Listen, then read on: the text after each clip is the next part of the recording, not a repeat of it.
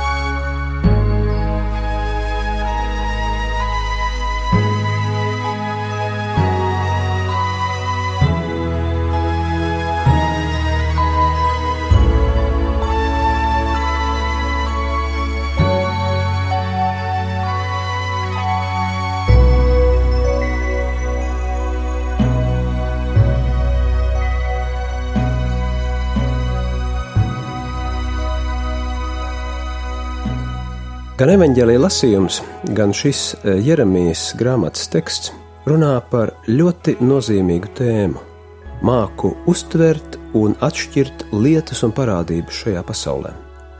Jeremija uzsver, ka cilvēki, kas savā uztverē var likties gudri, konkrētu problēmu priekšā var izrādīties dumji. Tie, kam šķiet, ka viņi ir spēcīgi, konkrētās situācijās var izrādīties vāji, un tie, kam šķiet, ka viņi ir bagāti, izšķirošos brīžos var izrādīties nožēlojami nabagi. Un otrādi - ar to taču esam sastapušies gan savā, gan citu cilvēku dzīvēs. Savukārt muitniekam Matejam, kurš sēž pie muitas būdas, garām pagājuši daudzi tūkstoši. Taču vienā garām gājējā viņš pēkšņi atpazīst kādu, kam vērts visu atstājot sekot. No visiem viņš kaut ko ir ņēmis, no vienam viņš atdod pats sevi. Abi teksti runā par tādu sava veida pagriezienu, klikšķi, kas saistās ar spēju atšķirt, redzēt, pazīt. Tas varētu notikt katra cilvēka dzīvē. Dziedinošā atziņa, nē, es patiesībā neesmu gudrs, neesmu bagāts. Īstā gudrība un bagātība ir citur. Abi Bībeles teksti tieši vai netieši runā par uzmanību, vērību. Tas ir centrāls vārds. Ja mūsu dzīves temps ir kļuvis tik straujš vai tik mūsu aklus darošs, ka mēs patiešām kļūstam akli un kurli pret skaistām lietām mūsu dzīvēm, tad jautājums, priekš kam mums ir vajadzīga tāda dzīve? Kāpēc mums nemitīgi jādzenas pēc mērķiem, ko mums iestāstījuši citi? Un kam vēl mēs paskrienam garām šajā aklajā un kurlajā skrējienā?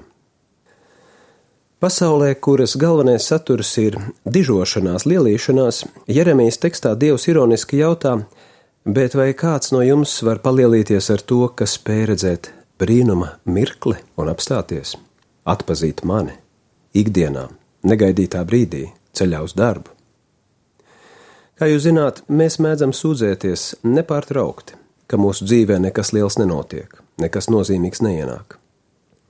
Rietumu sabiedrības cilvēki, kuru dzīve ir viskomfortablākā pasaulē, parasti ir visvairāk neapmierināti ar dzīvi. Tas ir absolūti tipiski. Bet varbūt mūsu dzīvē notiek daudzi nozīmīgi notikumi, tikai mēs visticamāk vienkārši esam akli un nemākam redzēt to, kas ir. Mums blakus nemitīgi ir neskaitāmas lielas iespējas, kuras tā arī nepamanām. Jau 16. gadsimta ievērojamais kristiešu svētais un mistiķis Krusta Jānis ir sacījis neticamus vārdus, bet tie ir arī dziļi un rūkti vārdi. Viņš teicis, lielākā problēma nav tā, ka mūsu dzīvē trūktu lielu atklāsmju. Iedomājieties! Mēs domājam, ka mūsu dzīves lielākā problēma ir tā, ka mūsu dzīvē trūktu atklāsmi. Bet viņš saka, lielākā problēma nav tā, ka mūsu dzīvē trūktu lielu atklāsmi. Nelaime ir tā, viņš turpina, ka galvenokārt mēs tās neustveram, nesaprotam un skaidrojam nepareizi. Jā, mēs negaidītā kārtā paejam garām neskaitāmām unikālām iespējām, vai otrādi ļaujam tām paiet garām mums. Jo dzīvojam kā ar klapēm uz acīm, galvenokārt pagātnē, nākotnē vai savās fantāzijās. Taču nespējam pilnā mērā būt vērīgi iepratī tagad un šeit notiekošajam. Nevelti Jeremijas grāmatas īstais teksts saka: gudrais, lai nelielās ar savu gudrību, stiprais, lai nelielās ar savu spēku, bagātais, lai nelielās ar savu bagātību. Visvairāk sev traucējam mēs paši. Es esmu gudrs un jau iepriekš zinu, kam ir un kam nav vērts pievērst uzmanību.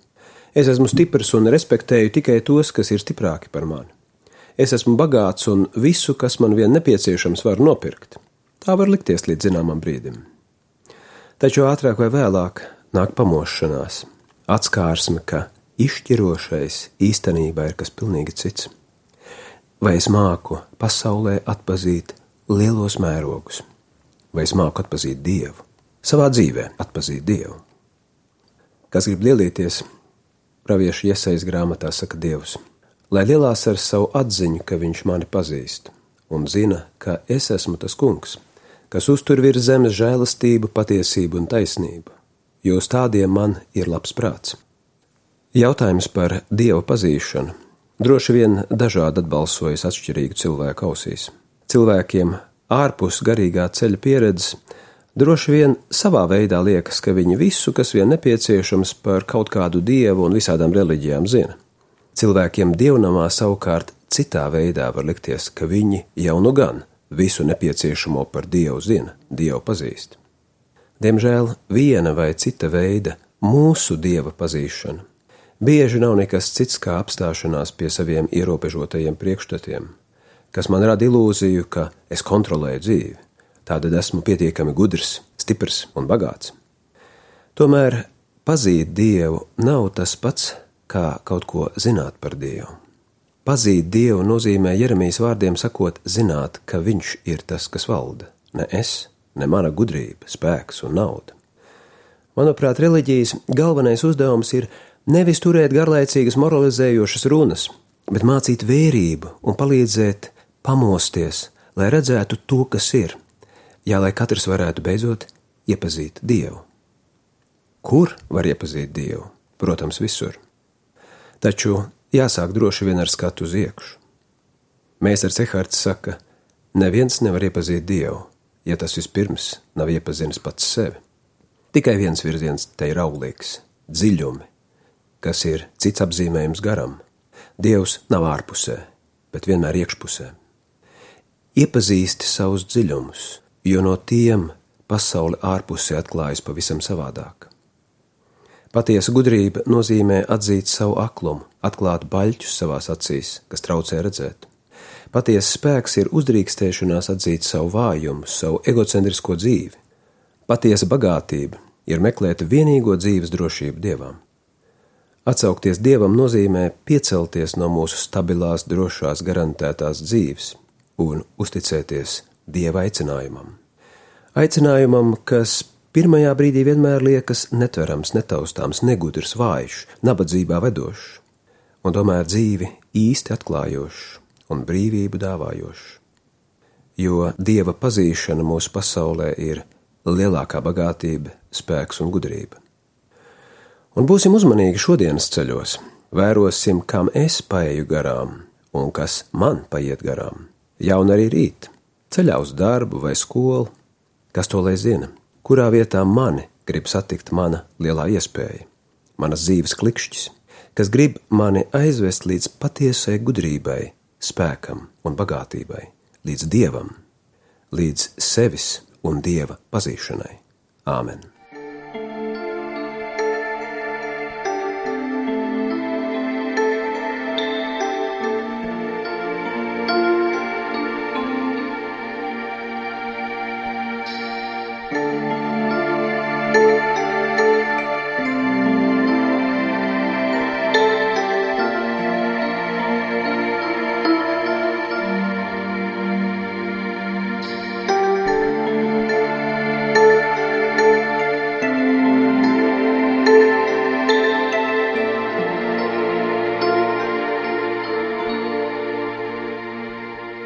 Mēs te pateicamies, debesu Tēvs, ka Tu esi dāvinājis mums šo paradoxālo brīnumu mūsu dzīvi, kurā mēs šajā vienā mirklī spējam atklāt un iepazīt visu. Ļauj arī mums kļūt vērīgākiem un uzmanīgākiem, mācīties dzīvot vairāk tagad. Nepaiet, kā mēs varbūt līdz šim esam daudzkārt pagājuši garām pašām skaistākajām un lielākajām iespējām, bet būt atvērtiem tam, ko tu mums dāvini. Mācīties iet sevis un tevis iepazīšanas ceļu šobrīd. Mēs noliekam visu sevi tavās rokās, kad mēs Jēzus vārdā tā lūdzam. Mūsu Tēvs debesīs, svētīts lai top tavs vārds, lai nāk tava valstība, tavs prāts, lai notiek kā debesīs, tā arī virs zemes. Mūsu dienascho maizi dod mums šodien, un piedod mums mūsu parādus, kā arī mēs piedodam saviem parādniekiem un neieved mūsu kārdināšanā, bet atpestī mūs no ļauna, jo tev pieder valstība, spēks un gods mūžīgi mūžos. Āmen!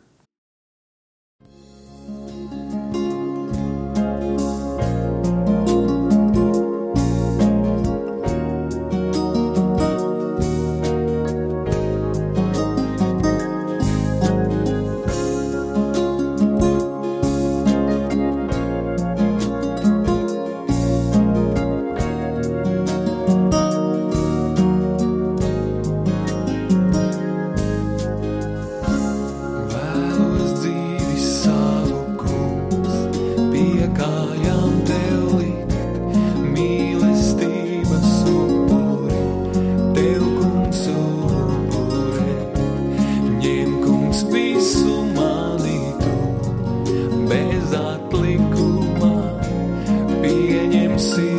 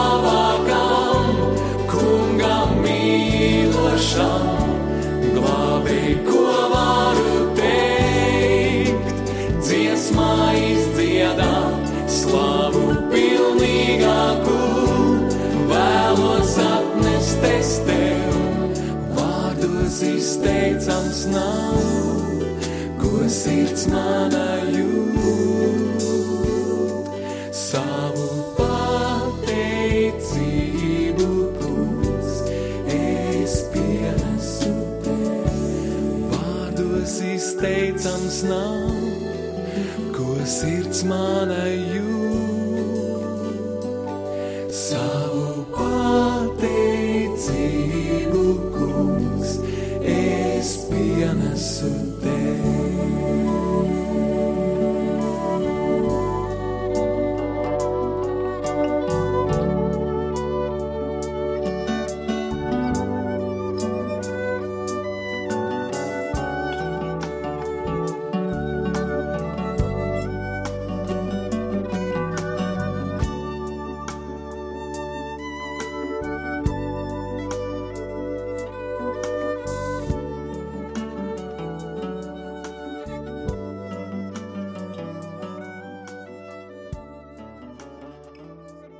Studijā bija mācītājs Juris Rubens.